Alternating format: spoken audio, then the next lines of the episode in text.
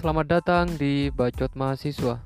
Hai teman-teman, sahabat-sahabat, dan juga kawan-kawanku semua. Selamat berjumpa kembali dan selamat bergabung dengan kami.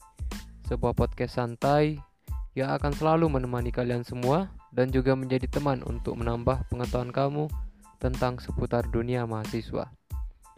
Di episode ini kita akan berbicara tentang suatu hal yang pasti dialami oleh para mahasiswa, yaitu KKN.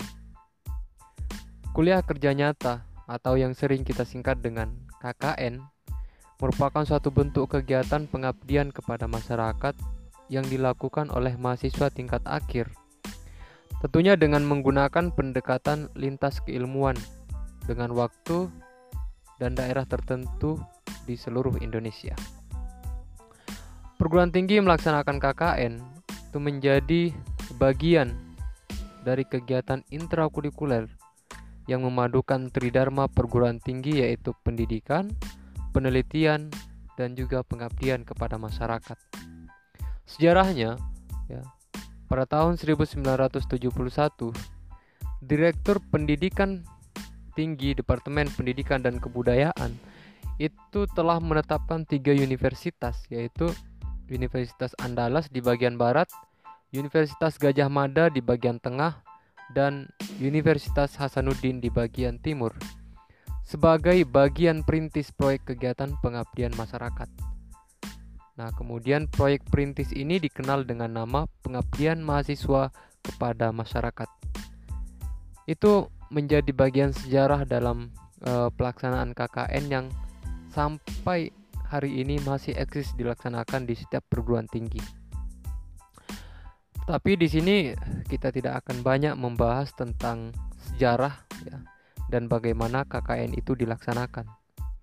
Tetapi eh, tentang pengalaman dan juga hal-hal yang sering kita alami saat terjun ke desa-desa untuk melaksanakan KKN. Nah, itulah yang akan kita eh, sampaikan pada episode kali ini. Hal yang pertama ya, yang sering kita temui ketika melaksanakan KKN adalah mengenal beraneka macam karakter orang. Itu adalah hal yang pertama.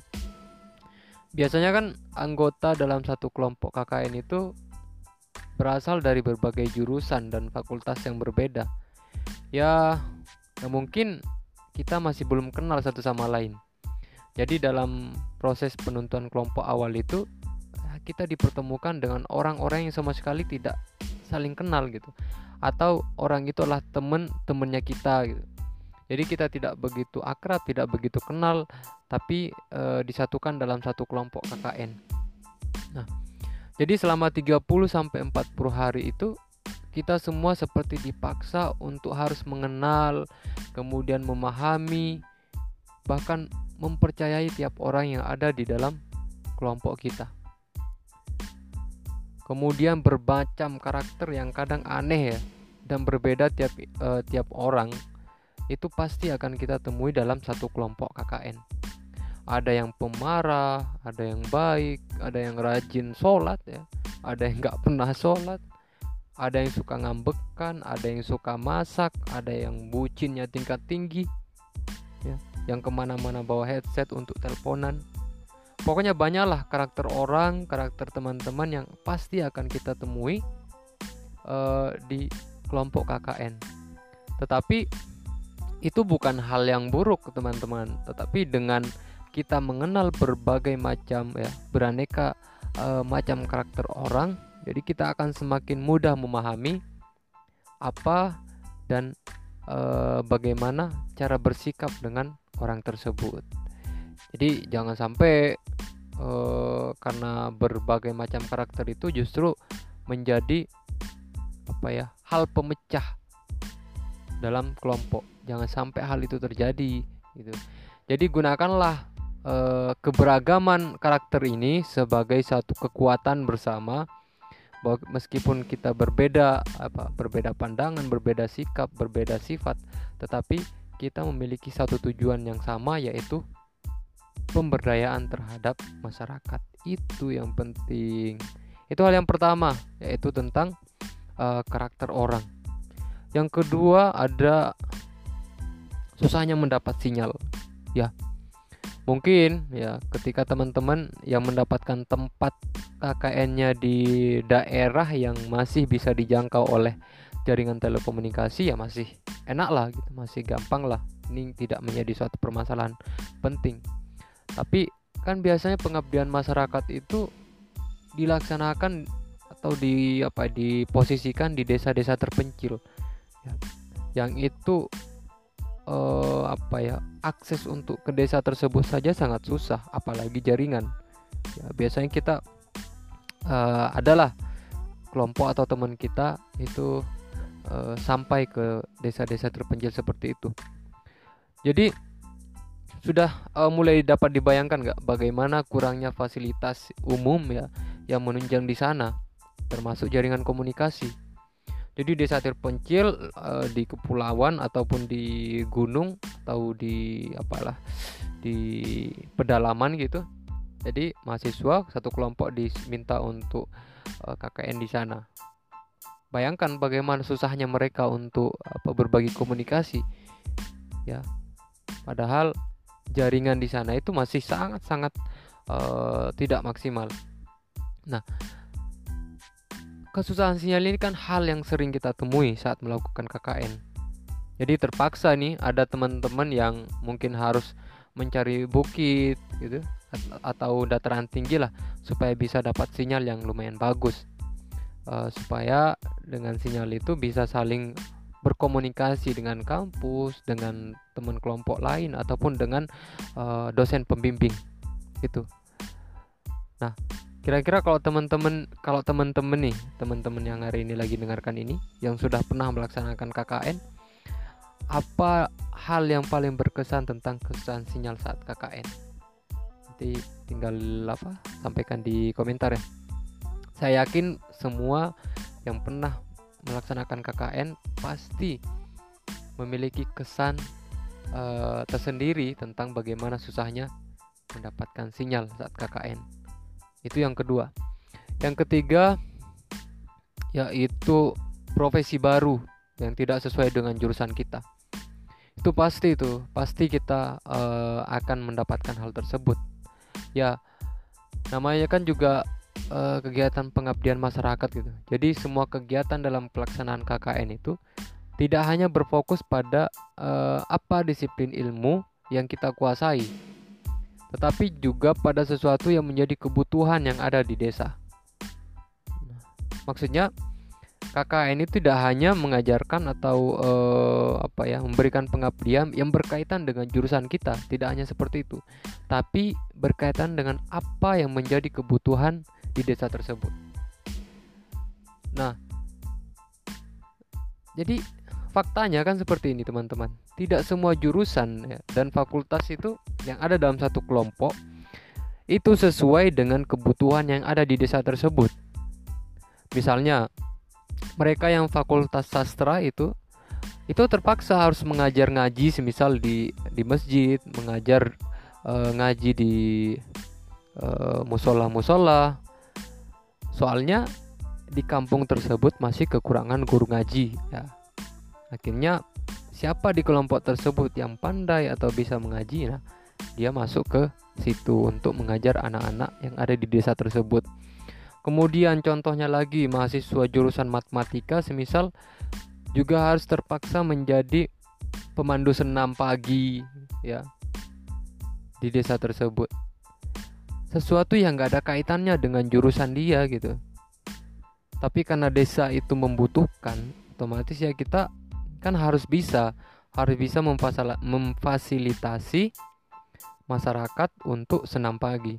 Mungkin tidak akan menjadi masalah besar ya jika mahasiswa tersebut sering ikut senam pagi di eh, CFD tiap minggu pagi. Mungkin tidak akan kaku badannya. Tapi bagi mereka yang uh, bangun pagi aja susah, kemudian ketika KKN disuruh mimpin senam ya bisa bayangin nggak bagaimana gerakan saat senam itu. Nah, kadang juga ada mahasiswa yang terpaksa harus menjadi tukang bangunan gitu. Harus bisa apa ya membuat membuat uh, gazebo kecil-kecil untuk masyarakat gitu. Padahal tidak ada kaitannya sama jurusannya gitu tapi lagi-lagi mana yang menjadi kebutuhan di, de di desa tersebut itulah yang menjadi prioritas uh, kepada mahasiswa KKN jadi intinya dalam pelaksanaan KKN itu sering kali tidak hanya menerapkan ilmu yang diajarkan di kampus dan di jurusan kita tapi juga ilmu yang didapat dalam kehidupan di luar kampus. Makanya sebagai mahasiswa itu harus memiliki ilmu pengetahuan ganda gitu loh. Gak hanya um, memahami satu gak hanya memahami satu pengetahuan saja, tapi juga harus paham tentang pengetahuan-pengetahuan yang lain supaya ketika proses pelaksanaannya baik dalam KKN ataupun di dunia nyata itu lebih mudah gitu. Nah, itu yang ketiga. Untuk yang keempat ini uh, saat dosen ya tiba-tiba datang ke lokasi KKN. Kuliah kerja nyantai juga kadang dijadikan sebagai plesetan uh, terhadap KKN itu. Karena biasanya kan kita kalau baru sampai ke desa atau baru beberapa hari di desa itu bingung harus melakukan apa gitu. Uh, misalkan kita belum menyusun jadwal dan segala macam itu bingung. Mau ngelakuin apa ini ya gitu. Jadi waktu bingung itu ya banyak mahasiswa gunakan untuk leha-leha ngegibah sana sini ngomongin mahasiswa yang lain ya itulah intinya menggunakan hal-hal yang nggak penting lah. Bayangin ketika uh, dalam keadaan seperti itu dalam keadaan tidak melakukan apa-apa di desa tersebut tiba-tiba dosen datang tanpa memberitahukan terlebih dahulu. Atau yang kita kenal dengan istilah sidak lah sidak ke tempat KKN bagaimana sibuknya bagaimana paniknya mahasiswa yang lagi leha-leha saat itu. Mungkin mereka akan oh, berlomba-lomba untuk mencari kesibukan ya, supaya terlihat sibuk oleh uh, dosen pembimbingnya. Mungkin ada yang akan langsung ke dapur untuk menyiapkan kopi pura-pura sibuk ini ada yang langsung bersih-bersih halaman dan segala macam. Pasti itu. Intinya biar terlihat melakukan apa-apalah gitu supaya nggak terkesan leha-leha saja di tempat KKN itu biasanya seperti itu kalau dosen sudah uh, tiba-tiba datang. Tapi kalau dosen udah pulang lagi ya pasti balik lagi untuk leha-leha dan ngegibah sana sini tapi kurangilah hal seperti itu karena KKN kan tempat kita harus lebih banyak berinteraksi dengan warga desa ya. Jadi kita harus akrab lah dengan warna, warga desa itu kalau nggak ada kegiatan di posko KKN ya jalan-jalan ke tempat tempat-tempat warga gitu. Biar apa ya bisa berkomunikasi secara langsung dengan para warga. Nah yang kelima ini dan uh, yang paling terakhir hal yang paling terakhir yang sering terjadi uh, di KKN yaitu kisah cinta saat KKN banyaklah itu kisah-kisah tentang uh, percintaan di KKN ini. Kadang juga KKN itu sering di ya kan sering diplesetkan ya sebagai uh, kisah kasih nyata gitu KKN karena memang setiap periode KKN itu pasti akan ada cerita asmara di dalamnya ya pasti itu. Kadang juga ada yang bilang bahwa KKN itu menjadi suatu apa ya kisah kasih yang difasilitasi oleh universitas atau kampus. Tapi apa ya? Kisah itu pasti uh, terjadi ya, baik antara sesama anggota yang ada di kelompok tersebut ya uh, atau antar kelompok dengan kelompok yang lainnya atau antar anggota kelompok itu dengan gadis desa atau dengan lelaki desa tempat KKN dilakukan. Itu pasti sering terjadi, teman-teman makanya uh, tidak heran ketika uh, mereka yang awalnya apa ya yang awalnya ingin berangkat KKN itu sangat oh nggak seneng ini kayak gitu loh. Kayaknya nggak enak tapi ketika melakukan KKN dan sudah menemukan apa ya pemikat hati lah gitu nah, pasti untuk selesai dari KKN itu pasti sangat sedih. Dan juga pasti ada yang sambil nangis nangis mengenang bagaimana uh, indahnya ngebucin berdua kan? Dengan apa dengan gebetan KKN itu hal yang sangat mungkin terjadi teman-teman karena rutinitas dan aktivitas yang dilakukan itu selalu bersama ya. makan minum ngobrol bercanda kerja dan lain sebagainya itu dilakukan bersama. Hingga akhirnya hal tersebutlah yang menumbuh yang menumbuhkan benih-benih cinta di antara mereka gitu. Jadi memang benar cinta itu bisa tumbuh dengan sendirinya ketika kita sering melakukan interaksi. Kita sering melakukan hal secara bersama-sama. Nah, mungkin tidak masalah ya buat orang-orang yang single gitu. Ya, bukan masalah itu, tapi mungkin itu berkah buat mereka yang single sama-sama jomblo gitu ketika uh, ke tempat KKL itu menemukan pasangannya itu berkah bagi mereka. Tapi bayangkan ketika mereka yang sudah punya kekasih gitu kan mereka yang sudah punya pacar berangkat ke KKN di sana ketemu dengan cowok atau cewek yang uh, secara visual lebih indah ditatap daripada orang yang ditinggalkan gitu kan daripada pacarnya yang nunggu di rumah atau di kontrakan ya dengan perjalanan waktu dan sering melakukan hal yang sama akhirnya mereka saling suka gitu. Terjadilah cinta segitiga namanya. Iya.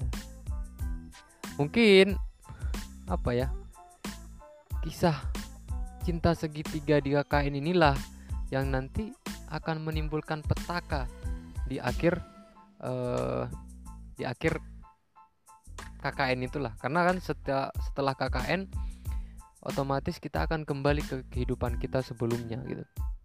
Jadi buat mereka yang jomblo ya semisal yang saya katakan tadi mereka yang jomblo ketika di KKN sama-sama menemukan uh, menemukan belahan hati lah gitu. Jadi ketika kembali ke uh, apa ya ke dunia dunianya sudah seneng gitu akhirnya udah nggak jomblo lagi. Tapi ketika mereka yang kisah cinta segitiga ini sudah kembali lagi maka akan muncullah permasalahan di situ. Bayangkan ketika orang teman ya teman atau pacar pertamanya itu udah tahu ternyata pacarnya itu selingkuh saat KKN bayangkan apa yang akan terjadi gitu. ribut mungkin itu ya gimana lah kisah cinta segitiga itu. Akhir kisah cinta segitiga itu pasti akan menimbulkan keributan. Intinya seperti itu. Makanya buat teman-teman kalau yang sudah punya pacar itu jaga. Jaga mata jaga hati saat KKN itu lo jangan mudah apa ya jangan mudah terpesona lah dengan uh, teman-teman kelompok gitu karena mereka yang menunggumu kemudian yang bertahan setia menunggumu saat KKN itu lebih penting dan lebih harus menjadi prioritas untuk kalian semua. Gitu. Jadi sebenarnya dalam KKN itu banyak hal yang bisa kita apa ya yang bisa kita ceritakan bisa pikir lima hal itu saja uh, yang kita jelaskan pada episode kali ini. Mungkin di episode berikutnya kita bisa menjelaskan tentang uh, cerita-cerita horor saat KKN ataupun uh, yang lain sebagainya itu. Atau kalau kita mau mengembangkan kisah cinta saat KKN bisa juga teman-teman silahkan langsung uh, apa ya kirim komentar ataupun bisa uh, DM di Instagram kami kirim cerita-cerita teman-teman saat melakukan KKN supaya ada bahan kita untuk uh, podcast selanjutnya. Jadi intinya gini,